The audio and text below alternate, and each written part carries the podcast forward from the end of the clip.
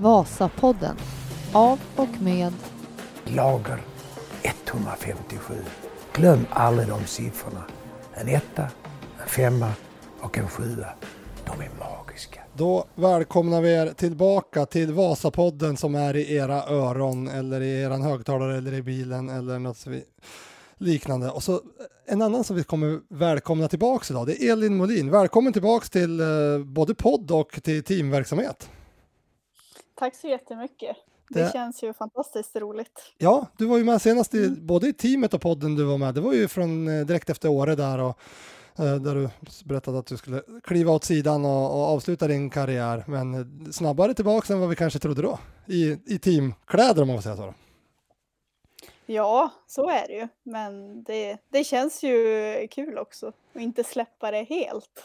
Ni som följer oss på social media så ni vet ju förstås vad vi, vad, vi, vad vi pratar om och eh, det som vi har, det vi har gjort och lanserat nu sista veckan här, eller, det är att vi ska ha ett ungdoms, en ungdomssatsning, ett ungdomslag kommer vi sätta i sjön här i, till veckan och börja paddla med, tänkte jag säga. Eh, och där ska du och Elin vara ansvarig för den här gänget skidåkare som vi, som vi ska satsa på eh, nu från och med, ja, från och med nu egentligen. Mm, precis, det stämmer ju bra. Eh, och det, ja, men det känns eh, väldigt roligt. Och eh, väldigt kul att vi hade sånt intresse för det. Att Ja. det var många som sökte. Ja, det var det var ju galet. otroligt kul. Ja, Ja. Jag, jag pratade här med Ulricehamns-Posten, lokaltidningen igår och, och eh, de frågade liksom, de hade ju också fått till sig det att det var ett väldigt stort intresse och frågade liksom vad vi hade trott. Och jag sa att vi, man märkte, jag märkte ju liksom i våras att det var folk som hörde av sig. Liksom, du, jag är 20 år och skulle vilja satsa långlopp, eh, kan ni hjälpa mig, eller vet ni hur man ska göra eller så. Och då, så jag tänkte att ett 20-tal borde vi kanske kunna få liksom, som, som är lite intresserade av den här satsningen. Men det var ju tredubbelt, det var nästan 60 personer som, som eh, var intresserade av de här platserna. Som till början var fyra, fyra stycken som vi skulle ha. Var tanken. Så det var ju, trodde du att det skulle vara sånt där intresse? Nej, gud nej. Vad sa jag till dig? 10, Ja, 15? ja, Ja, men alltså, ja, men det är lite där omkring jag Ja. tänkte att, ja. Ja, Nej, så det var ju långt över förväntan. Ja, det var det. Men hela grundtanken med det här ungdomslaget är ju att eh, under några års tid så har vi pratat om det här i, i, i laget och, och, och liksom känt att ja, men vi kanske skulle haft ett rekryteringslag, ett B-lag, ett hemmalag har vi kallat det vid något tillfälle och så vidare. Och ett ungdomslag har vi också kallat det. Och eh, nu i år så går vi första säsongen eh, på ja, jag tror någonsin faktiskt, utan ungdomar i A-laget då, utan rosa, både killar och tjejer. Och då passar det väl jättebra att försöka rekrytera in på det här sättet. Och det vi märkte i våras när vi, när vi var ute och sökte eller sökte, när vi, när vi skulle bygga laget så var vi, vi hade ju inte bestämt oss att gå utan rosa åkare utan det vart liksom så här att vi märkte att det var svårt att attrahera dem. Det, det var ett ganska stort steg för många att liksom kliva in i långlopp. Man visste vad det var men man kanske inte riktigt var där tyckte man och så. Och då, då föddes tanken igen här att vi måste liksom bör, börja bygga broar mellan, mellan oss och de yngre skidåkarna och liksom visa vägen in och introducera mot långlopp. Och det är så den här, den här sista månadens arbete har gått till. Liksom. Att vi, vi vill ha, känna att vi vill ha folk liksom introducera i långlopp Eh, vill vi göra. Och, och eh, nu hoppas vi att med den här lilla gruppen vi sätter igång att vi kan, att vi kan börja med det och på sikt hoppas vi självklart att det här ska bli en, en, en plantskola, ett, eh, ett rekryteringslag för oss att plocka upp någon eller några åkare till A-laget. Så det, det är väl en drömscenario. Hur ser du på det Elin? Alltså, du, du har ju ändå varit med i, i, i cirkusen och gick ju in som den, den vanliga vägen in i långlopp får man säga. En, en Mm. relativt, inte jättelång och det tror jag inte är det vanliga. Om man tittar en, en typisk ny skiklassikåkare nu, åker några år, uppemot tio som, som traditionell åkare och sen kliver över till långlopp. Och det där um, kanske blir mer och mer sällsynt och vi måste för att eh, liksom hänga med i utvecklingen rekrytera tidigare. Och hur ser du på din, din väg in i långlopp och så som, alltså, var, var det tänkt sen tidigt att liksom några år långlopp, eller tradd, sprint och sen långlopp, eller hur, hur, hur vart det så? Nej, det var ingenting jag tänkte på när jag var i 20-årsåldern. Det var det ju inte. Eh, det är ju någonting som växte fram under tiden. Och det har ju säkert med att göra att också att intresset blev mer, alltså man fick mer Ja, upp ögonen ja. för det. Och som vi sa nu, det är ju ett väldigt intresse även hos de yngre eh, nu. Alltså långloppet, alltså det växer ju. Och jag tror ju att det är otroligt viktigt att ha den här, som du säger, den här bryggan mellan de eh, allra bästa och de här yngre. Alltså det är ju kolla på de flesta idrotter, det finns ju ofta något typ av eh, B-lag eller utvecklingslag, juniorlag. Och jag tror att det är viktigt även här att liksom få, Men få det lite stegvis. när du var så här 19-20 år, det är ju det är tio år sedan drygt, och eh, då var, det ju, då var det ju Jenny Hansson, det var Oskar Svärd, Jerry Alin som var de stora svenska långloppsstjärnorna. Eh, att, att, tror att de här Emil, Britta, Lina, uh, Kardin, Mackan, eh, alltså sådana, eh, är, de attrahera, är de större stjärnor idag även hos de är yngre än vad, än vad din och min generation var när vi gick på gymnasiet om du förstår vad jag menar? Ja, det skulle jag väl vilja säga för att det syns på ett helt annat sätt Mm, idag. mm. Jag ska väl vara ärlig och säga att jag liksom inte hade riktigt koll på långloppet på den tiden. Det hade jag inte. Men idag, alltså Emil och Britta och sådär, de syns ju på ett helt annat sätt. Det uppmärksammas mer. Ja, så är det ju verkligen. Så är det verkligen. Och det märker man ju på Mm. det när de här 60 som har, har, eh, sökt. Och vi ska vara ärliga och säga, eller vara ärliga, vi, vi har, alla ansökningar har, har vi tagit oss, oss igenom och så där. Och det man märker här när man läser det här, det är ju att eh, Ja, det är ju stora stjärnor. Alltså det är många, många refererar till laget, till Emil, till Britta, alltså att man vill liksom, och där jag vill göra testa det här. Och även de andra, det var någon som refererade som "Ja, mitt, mitt mål är att bli som Honken. Och, alltså liksom man, man märker att de här yngre, de har ju stenkoll på det här. Ja, ja. Och vet du någonting jag refle- Ja, reflekterade över som jag tycker var kul också? Det var ju att ja, men många skrev så att de har kört Vasapass och sådär. Alltså ja. de tar ju efter mycket av det också så att de inspireras ju av teamets verksamhet och Ja, det var, det var roligt att se faktiskt. Det var roligt. Mm. Uh, och sen då när, så satt ju vi här i, i, för några veckor sedan och funderade, liksom hur, för vi, vi ska vara ärliga och säga att vi, vi, vi kastade ut den här sök till vårt ungdomslag innan vi hade bestämt vad, vilka kriterier, vilka ska vi ha egentligen? Och eh, liksom är det bara att ta de som är bäst och så, sen vill vi göra så liksom, eller, eller är det liksom, ska vi skapa förutsättningar för några som inte har så bra förutsättningar eller, eller hur ska vi tänka? Och vi har väl, eller inte så bra förutsättningar, men alltså som, som behöver dem mer än andra för och så. Och eh, vi har väl hamnat någonstans på en medelväg där. Alltså gått på resultat och gått på de som har visat väldigt tro och vilja och, och, och så. Och tillsammans med att vi, tror att vi kan steppa upp deras eh, satsning så att säga på något sätt. ja men exakt. Ja vi har ju inte kollat en resultatlista rakt av.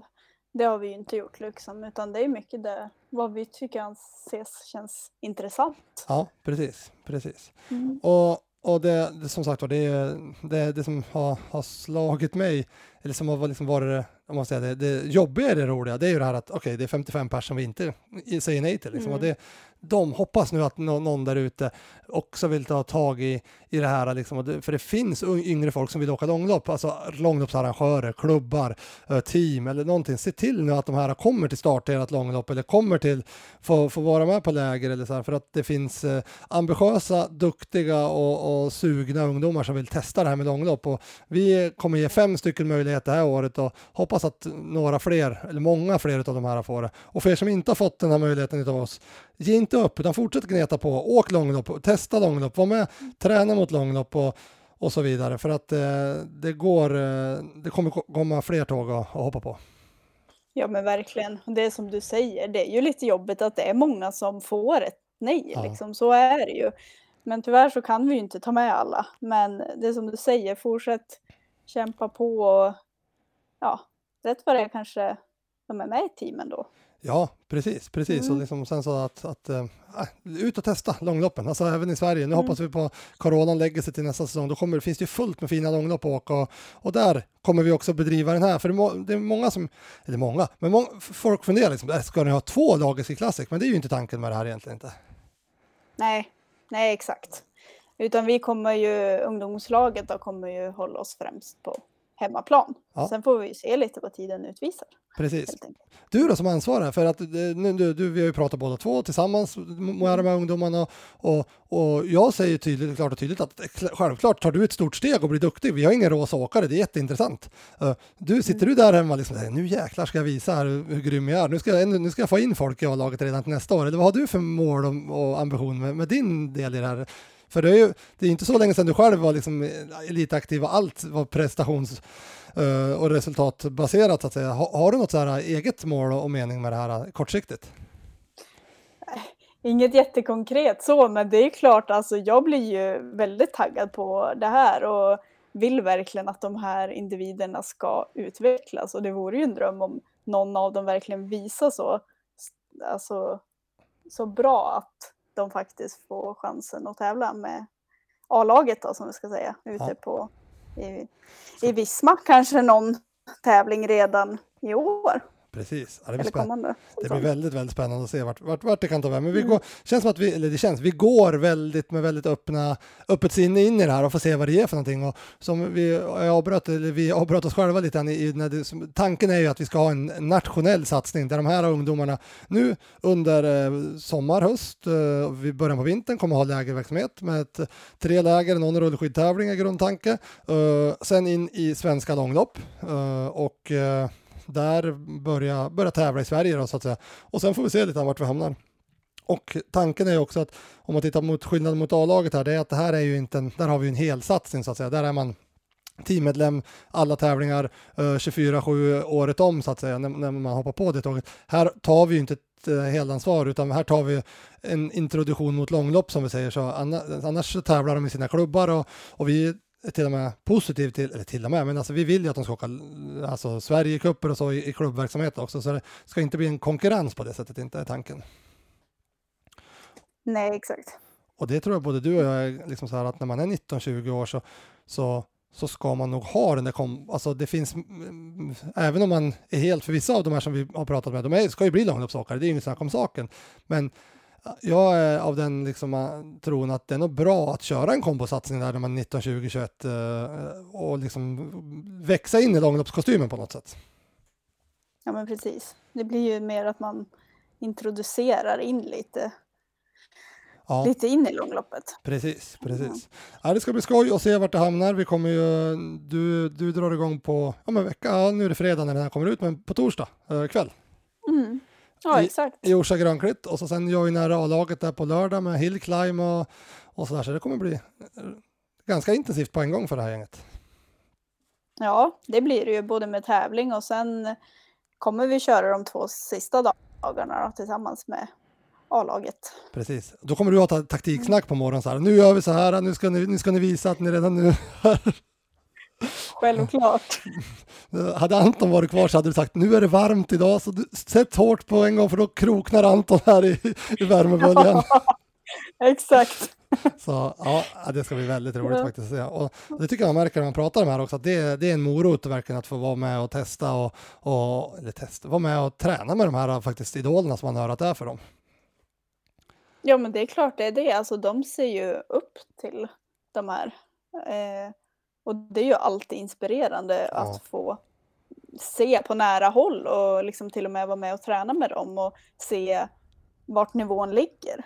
Vad tänker du att blir din viktigaste uppgift här i början? Liksom, alltså, I det här, om man tänker liksom, eh, vad, vad kommer bli det viktigaste tror du? Liksom, I det här om man tänker vårat huvudmål är att introducera, få dem liksom att hitta våran, jag har ju sagt vid något tillfälle, mentalitet, långloppsgrunderna. Eh, liksom, vad, vad, vad blir det viktigaste tror du för dig liksom, i det här? De här eh, merparten kommer ju, eh, ah, äh, mer, lite mer än tre av fem kommer ju direkt, de tar ju typ studenten idag. Uh, vad tror du, liksom, vad kommer bli det viktigaste och det, det, det svåraste för, för dig och till viss del mig då, som ska stötta upp dig också i det här? Liksom, hur, vad, vad tror du kommer bli utmaningarna? Eh, oj, svår fråga. Alltså, men det handlar ju lite alltså, på lägren och introducera mycket hur teamet tänker kring mm, träning och stakning och ja, så. Men alltså det är ju unga individer och av egen erfarenhet så känns det som att i den åldern då tutar man och kör man. Ja, ja. Eh, så ibland kanske det blir liksom som ledare att hålla tillbaka lite grann så att de inte går all in och det blir massor av skador och så. Precis, precis. Vilket tror jag kan vara en viktig del i den åldern. Och det finns ju en tanke med det också att vi inte kör eh, helt parallella läger, eller para, gemensamma läger kör vi inte, utan vi kör dem lite så här omlott och att ni är med några dagar och så. Det är ju tanken med att, att få ut så mycket som möjligt av de här team, A-teamdagarna så att säga. Men Mm. det vi tycker också att vi kanske har, att det blir lite tufft och det har vi sett också på olika, att det blir lite tufft att köra fem sex dagar med det här gänget eh, som 19-20-åring och- om man ska få maximal utväxling av det då. Ja men exakt, jag tror ju liksom till en viss del liksom våga utmana och kanske köra fortare på distanspass och så än vad man normalt sett gör. Men det får inte bli för mycket av det goda heller, Nej, det helt enkelt. precis. Ja, ja, jag vet ju också att de här lägren är ju tuffa med teamet. precis. Och det kan bli ganska tufft då när man inte är van och inte har den träningsbakgrunden. Vasapodden. De är magiska. Känns, ju- jag, så här, före nu så känns det som att det här kommer bli en perfekt mix i det hela. Liksom. Att man kommer vara med och känna på de här tuffa dagarna, uh, mäta sig med Emil, mäta sig med Britta och Hanna och, och, och så vidare och de andra. Alltså, eh, samtidigt som vi liksom inte, alltså förhoppningsvis inte, att man inte ska bara, man ska kunna liksom testa de dagarna verkligen och inte behöva känna att oj, oj, det är sex dagar kvar och jag är redan helt krokig, utan att det blir ett par dagar och man liksom verkligen kan göra det istället. Liksom. Ja, ja precis. För då liksom de inledande dagarna när vi kommer vara själv där, där i Orsa, då kanske distanspasset kanske går lite lugnare än vad det kommer att göra då när vi kör med A-laget till exempel. Spännande, det blir jättekul att se faktiskt. Du, jag tänker vi så här, vi ska väl, eh, det här, jag tänker vi presenterar laget här. Vi kommer presentera dem på social media här under fredag förmiddagen också, så strax efter podden har släppts här nu. Men eh, jag tänker vi går igenom och det som har varit, det som vi gick ut med, det var att vi ska ha fyra, två killar, två tjejer. Eh, Det du och jag gick in med när vi började leta bland de här 60 i högen, det var, fyr, det var egentligen fyra, två killar, två tjejer, men vi har landat i, efter lite om och men, och vi går till start med två tjejer och tre killar. Eh, Och eh, det har väl, det, det, det föll sig så om man säger så. Alltså det kändes som ganska rätt att eh, det var där vi, vi, vi var så att säga. Ja, nej jag tycker det känns som en väldigt bra grupp. Så, så det, ska, ska du, jag kan väl säga, jag, jag, säger namn och du berättar lite om vem det är och hur, sådär, så tar vi det därifrån. Och Mm. det, vi börjar faktiskt med, det är, lite, det är lite roligt att av de här två, fem så har vi två stycken som inte har längdåkning som sin huvudgren. Utan vi har. Alva Sköld som är skidskytt som kliver in som en av tjejerna. Precis. Och det tror jag vi båda tycker är väldigt intressant att de faktiskt kommer från skidskyttet. Ja, precis. Eh, kanske man tänker lite oväntat också just för att eh, ja, men de skejtar ju i princip Ja, bara. ja. Det är den bilden man har. Men Alva här då, hon, eh, ja, hon skriver, alltså vi har ju pratat med henne och i hennes ansökan också så berättar hon ju väldigt mycket om att hon tycker det är väldigt kul med stakning. Ja, och så Eh, alldeles, och är väldigt nyfiken på långlopp. Och hon har även åkt Tjejvasan de två senaste åren var det nog. Ja, precis. Och hon visar ju sig där utan träning som hon säger, själv säger att och drar, drar in på en 24 plats på blanka skidor och sådär. Så att här, och som 19-åring, Exakt. det finns ju, det finns ju i samma grupp som 15-16 plats så att säga. Så det finns, det här är ju intressant tycker jag, väldigt, väldigt intressant. Väldigt intressant att göra så bra ifrån sig och liksom kanske inte träna stak, stakning så mycket. Eh, Så att, Eh, eh, det är ju, det är ju, och hon, eh, det ska vi säga också att det här, de kommer ju parallellt eh, driva sin skidskyttesatsning också. Så det kommer bli en, en kombosatsning, skidskytte, en lite udda kombination, men skidskytte långlopp är det.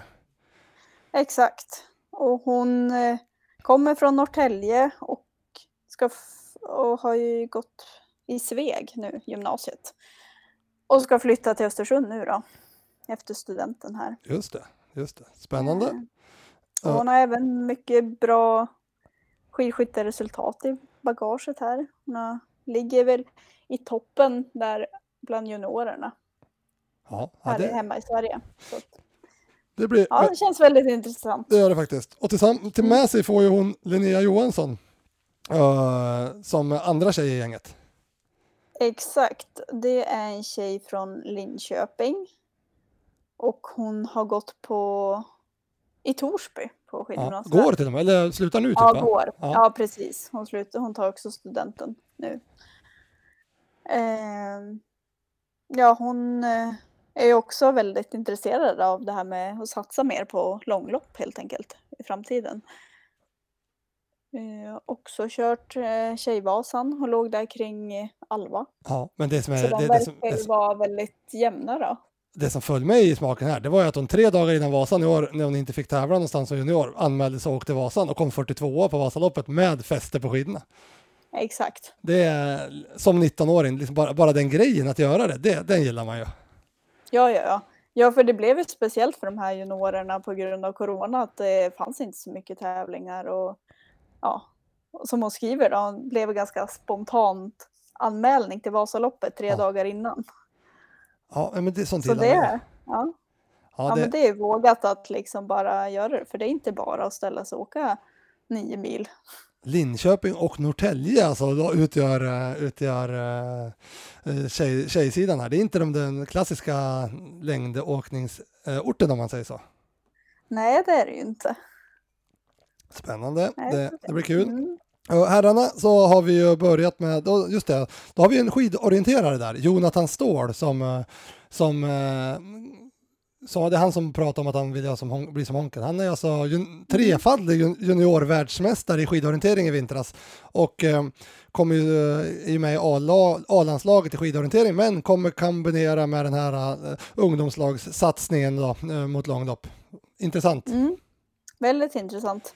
Eh, samma där, alltså väldigt duktig på skidorientering men har också ett litet öga mot långloppet Ja. och vill ju ha det i framtiden. Och det här, det här har vi ju eh, inspireras mycket av träningen som långloppare gör.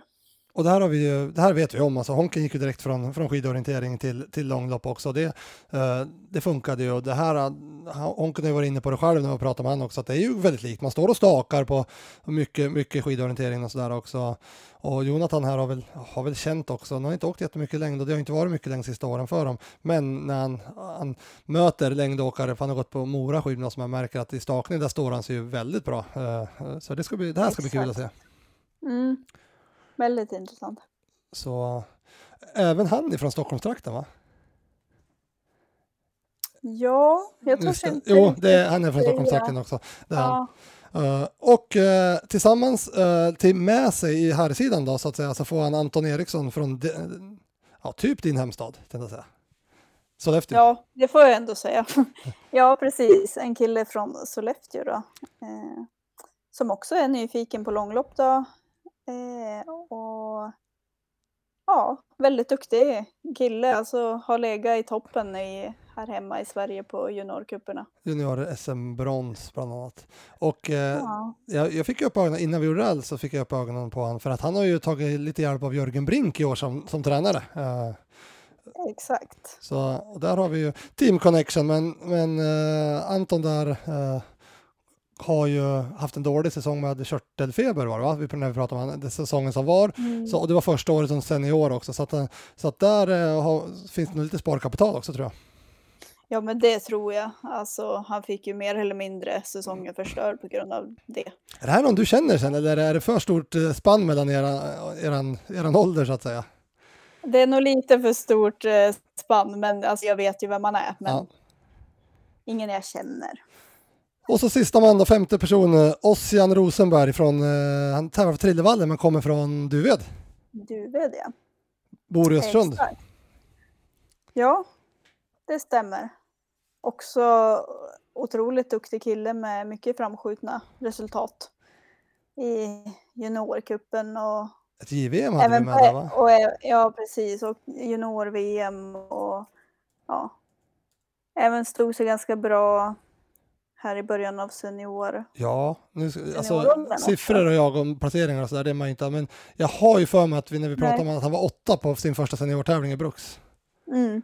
Eh, så att Exakt. det, det, det är väldigt intressant. Men eh, det är ju ett intressant lag det här Elin. Vi har fått, och det är som sagt man har sökt så vi har inte sökt, de här har kommit till oss tillsammans med Mm. 55 andra och har inte varit lätt men nu när, man, när vi har de här fem då känns det ganska självklart att det här är bra. Det här där känns bra liksom och både som, som grupp och de olika, olika fallenhet, lite vad jag, det man kan hö, lyssna sig till, läsa sig till så är det liksom lite olika profiler av skidåkare de här också. Det är inte alla, alla är inte en bergsget och alla är inte en platsspecialist. Det är lite olika vad, känner jag i alla fall. Mm. Liksom. Ja, exakt. Nej, men jag tror att vi båda känner att det känns som en väldigt bra grupp. Eh, och så just att ja, men lite, det finns lite variationer här i. Ja, Det tror jag är bara positivt. ja det, det tror jag också. Det, det tror jag också. Utveckla varandra. Precis. Och tittar man på det här det, är liksom, det, för det är ju min tanke, liksom att det här, ska ju, det här kommer ju börja, nu får vi se helt annat. I ett längre perspektiv, nu vet vi inte, det här är en uppstart, vi får se vart det hamnar och vi får utvärdera efter första året och se, men i, i en drömvärld så kommer ju det här äh, bli större, vi kommer göra en mer, eh, liksom en, en, systematik i det med att vi kommer slussa folk från det här laget in i A-laget om nivån finns. Eh, vi kommer ta in åkare varje år, så någonstans ser jag tre årskullar, kanske att man plockar in två och så släpper man ut två och så hela tiden när man kanske är 23-24 år, då antingen så kliver man ur laget eller så går man upp i A-laget och, och åker de rosa tröjor och så vidare. Uh, och uh, då är det ju vi ska ju, det här laget ska ju någonstans spegla det vi har ute i Europa och förhoppningarna nu då är att om vi, alltså att man även när vi nu kommer till Sverige så, så ska vi tävla som ett lag. Vi ska liksom vara, ha samma grund, grundbultar och grundprinciper som, som hela vår verksamhet och A-laget har. Mm. Så, ja, men det, är ju, det handlar ju mycket om det, om att in, introducera hur vi jobbar ja, i teamet. Precis. Eh, och vi, som sagt, som du sa, vi gör det på hemmaplan. Ja, exakt. Mm. Vad heter det, hur, hur eh, kan, har du, vill du, för hur, hur vad ska man säga med trä, jag tänkte ta träningsmässigt här nu, hur, hur kommer du liksom introducera, eller hur kommer vi introducera första lägret liksom? Hur, hur tänker vi? Vad har vi för grundbultar? Uh, vi vet att på, på teamets, eh, eh, det vi vet, när vi tänker teamet så stakar vi ju, det är det vi gör, vi stakar det mesta. Så förmiddagarna är alltid prio på läger, nu pratar jag läger då, eh, och eftermiddagarna li, lite, lite friare sådär. Hur kommer du lägga upp de här första när, när, du egentligen inte vet vilken nivå de håller eller var, vart de står och sådär? Eh, nej men alltså vi kommer ju överlag att staka precis som de äldre, äldre ja. gör. Alltså, för det är ändå det vi vill göra och det är, liksom, det är så få dagar så det blir som ett egentligen ett litet stakblock då ja. i deras vanliga träning. Och att man hellre då kanske får anpassa lite före och efter. Ja, precis. Så det blir nog, alltså vi kommer staka en gång om dagen.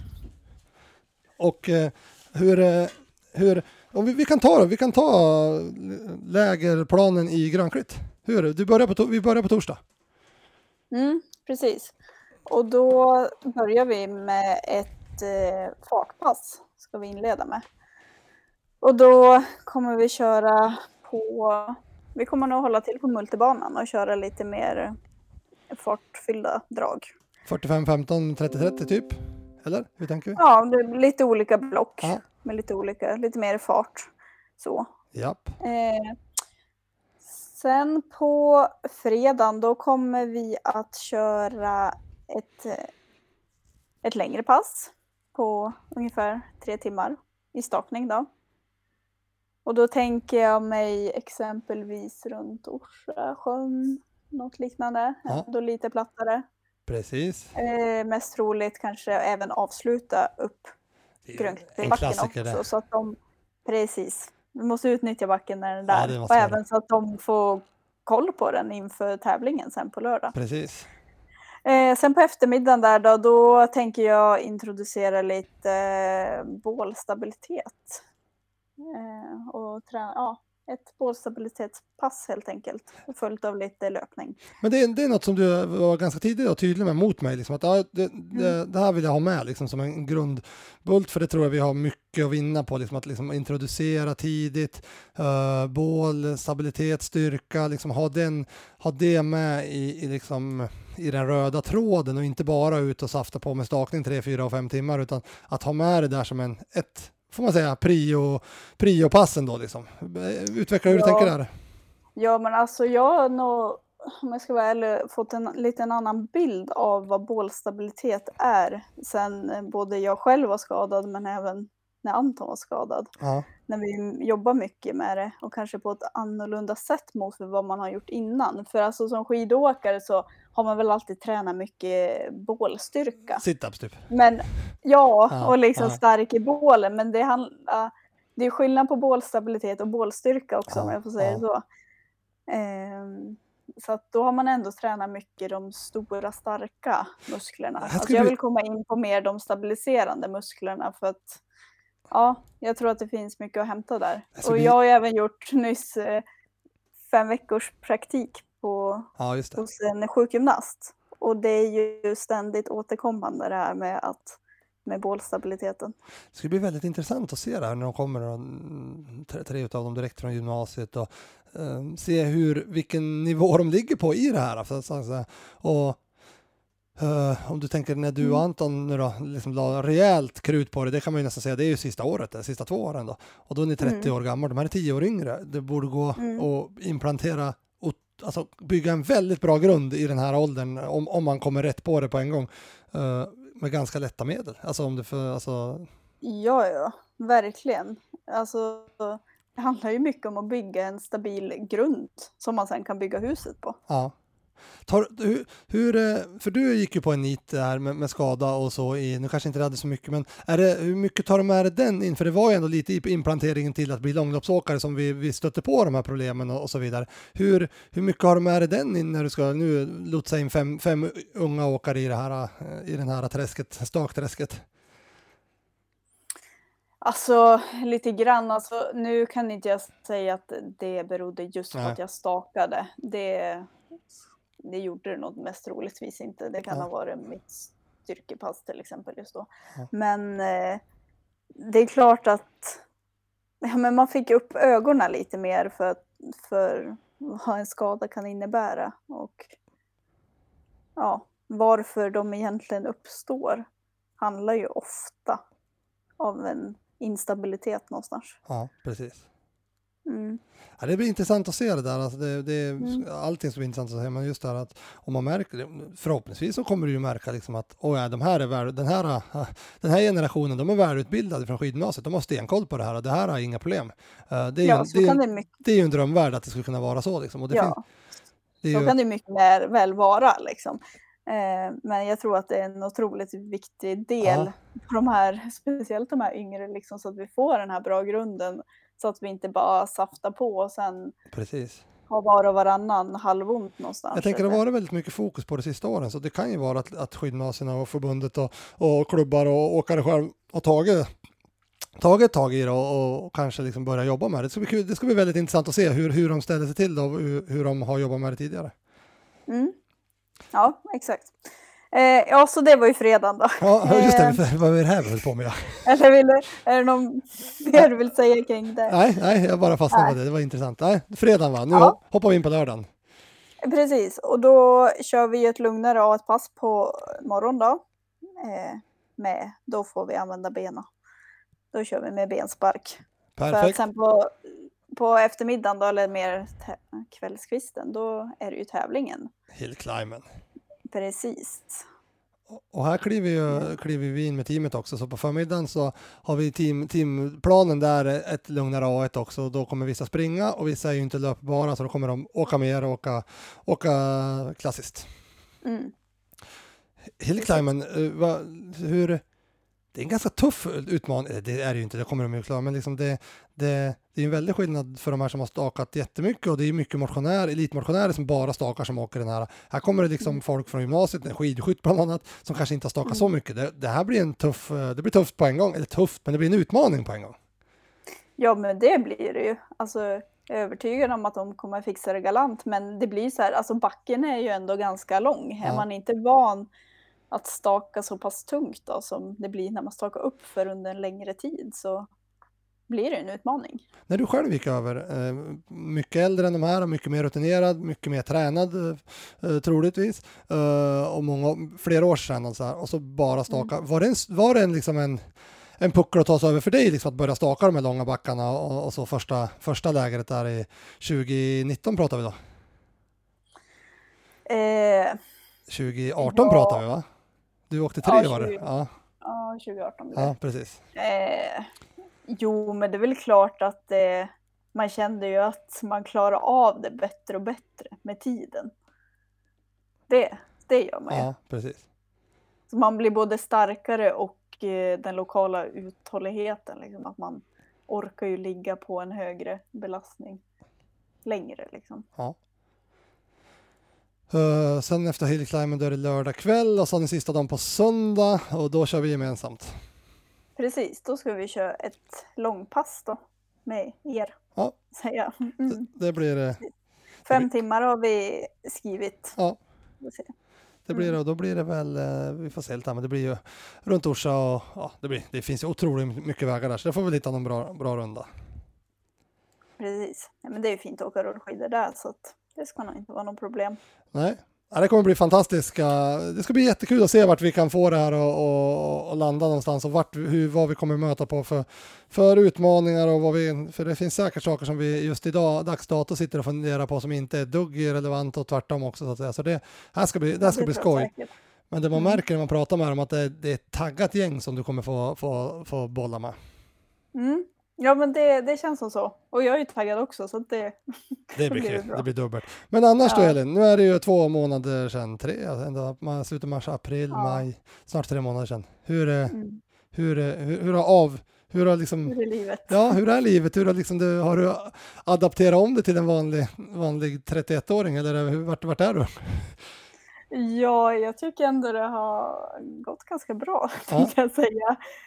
Eh, men jag tror också att det blev lite naturligt att eh, först hade vi lite ledigt som vanlig säsongsvila liksom. Mm. Men sen Anton fick jobb och jag har gjort min praktik så att det har ju typ känts som att jag har jobbat eh, och även parallellt skrivit min C-uppsats. Så Ja. det har inte funnits så mycket tid till annat. Mycket liksom. Så trä, det, alltså, det gjort sig själv. Har du brutit helt liksom? Är det, är det nollad träningen nu liksom? Eller, eller vad har du för eh, relation till träning så här efter tre? För vissa bara vill ju bryta i fyra, fem månader innan man liksom startar upp igen. Hur har du gjort?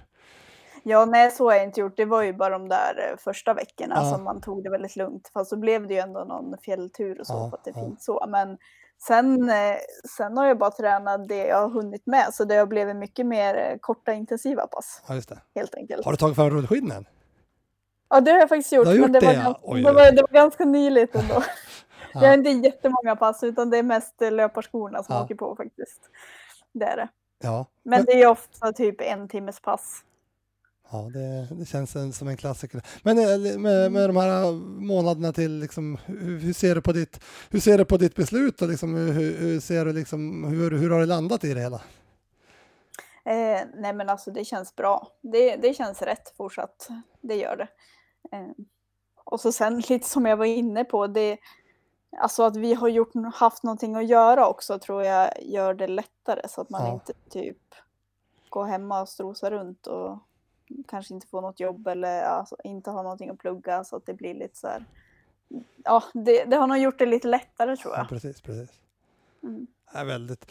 Så det är ju skönt att det är så. Man inte känner liksom tvärtom att fan, jag skulle ha, ja, det är för sig, hade du känt att du skulle fortsätta så är det ju inte så, så det är inte så många månader varit borta, det bara att börja träna igen så hade det varit tillbaka. Ja, jo precis. Gött, är det något mer vi ska tillägga Elin innan vi, vi skjuter iväg ungdomspodden och med det ungdomssatsningen eh, som startar upp? Nej, nej, jag tror inte det. Jag tycker det här är ett jättebra initiativ liksom och ja, det känns väldigt roligt. Jag upplever också att det har varit väldigt bra respons på det här utifrån.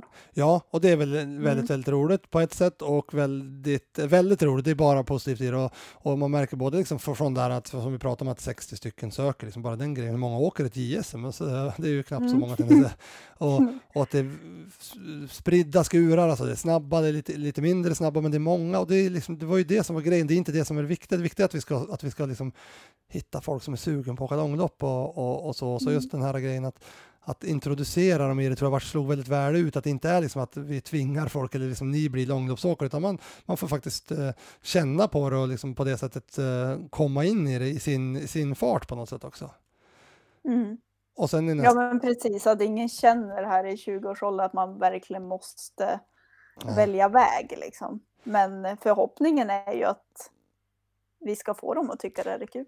ja men förhoppning någonstans, eller målsättning och förhoppning och så, det är väl att vi ska få, få fram en Vasaloppssegrare i det här gänget någon gång i framtiden. Det vore ju skitroligt. Exakt. Ja, det vore ju riktigt kul att verkligen ha byggt upp det så Ja. tillsammans. Och, hopp- och så, men sen var det jag tänkte säga, att även, sen har man ju märkt att även, alltså, in, inte bara i åkarled, utan alltså andra som följer oss eller som åker till och med, eller som andra åkare som inte har, som inte har ålder inne för att söka, eller för att eh, även de som har ålder men inte är intresserade har liksom tyckt att det här är en bra grej, liksom, det här behövs i, i, i skid-Sverige för tillfället. Och, och eh, det tycker jag också var roligt att man har märkt att ja, men här har vi faktiskt hittat någonting och inte bara för att vi har gjort utan det här tror jag vi kan bygga vidare på tillsammans i, i, i skid. Förhoppningsvis så finns det klubbar som kan känna okej, okay, vi är så här många som vill åka och har jag, vi har ju, utan att nämna några klubbar så finns det, de, det finns tre, fyra stycken från samma klubb som har sökt till vårt ungdomslag. Alltså, hoppas att de kan gå till sin egen klubb och säga att vi skulle gärna vilja testa långlopp också. Uh, kan vi göra någon uh, satsning på den svenska långloppscupen och att vi får liksom fler uh, aktörer nationellt, för vi behöver en nationell elit Eh, även på långlopp. För nu är, jag upplever ibland att det blir väldigt stort Eh, och kliva direkt in i Ski Classic, vilket säger sig själv. Och så ofta får vi rekrytera från, från, från den traditionella och när man är klar med det in i långlopp. Och hopp, förhoppningsvis ska vi kunna, att det här är en liten, liten, liten frö som sår att vi kan börja på sikt få en nationell elit också i, i, i långloppen så att, vi, så att när man kliver in i Ski Classic då är man, då är man inte fullfjädrad men åtminstone början till långloppsåkare. Man har åkt något år och testat lite grann och sådär. Mm. Ja men precis, det var det jag menade med att det varit positiv respons. Att det är många liksom utifrån som har reagerat på det här och tycker att det är en väldigt bra idé. Och det gör säkert att det är en liten ögonöppnare hos många säkert. Ja, det... Att just det här med att få in yngre och ge dem chansen och så. Ja, det är inte, det är inte så himla... Mm. Det, det, är ju en komplex fråga det här, både hur man ska göra, liksom, både från åkarnas sida också liksom, och, och sådär. Alltså att man, man vill ju också känna liksom att åkarna ska ha drivet att göra det här på något sätt så att man inte, mm. att man inte lägger, lägger liksom det i andras händer, i andra team eller i andra konstellationer eller, eller, eller skolor eller, eller klubbar eller så, utan att man faktiskt har man det egna drivet att jag vill faktiskt bli långloppsåkare då, och söker vägar, då tror och hoppas att då kommer man hitta det. Det, det tror jag liksom. Mm. Alltså, även om det kan vara lite mer jobb än att få den uppstakade vägen när man då kommer in på, en, på ett, på ett långloppsteam eller på en uh, ja, det behöver inte vara vilken, det är vilken skidåkare som helst liksom, i, en, i, en, satsande miljö, men man kan bygga den där miljön själv mycket om man har det här drivet och, och liksom brinner för det på något sätt. Absolut. Så det, nej, det ska bli spännande att se och eh, vi får väl ta mm. det därifrån så får vi väl vi får väl, eh, vi gör väl så att vi kör väl den på fältet med dig i, i, eh, i Orsa när du har haft dem några dagar och se hur du känner för då. Mm. Kanske sagt upp det, det då. Det här, det här går inte, jag slutar. nu, jag orkar inget mer. Kör två dagar, sen skiter du där. Ja, nej, det, det tror vi väl inte, va? Det tror vi inte. Nej. Grymt Elin, men då, då mm. säger vi lycka till och så till oss och till dig och till de här ungdomarna så ska det bli fantastiskt roligt att följa och så tuta och köra helt enkelt. Precis. Och eh, podden den är tillbaka om en vecka. Uh, är den. Och då får vi se vad som händer då. Men det blir nog något skoj då också. Så tack för att ni har lyssnat. Ni är många som lyssnar. Ni blir fler och fler. Det är fantastiskt roligt att, att se. Uh, och uh, fortsätt med det så hörs vi. Tack och bock. Vasapodden. Av och med Lager 157. Glöm aldrig de siffrorna. En etta, en femma och en sjua. De är magiska.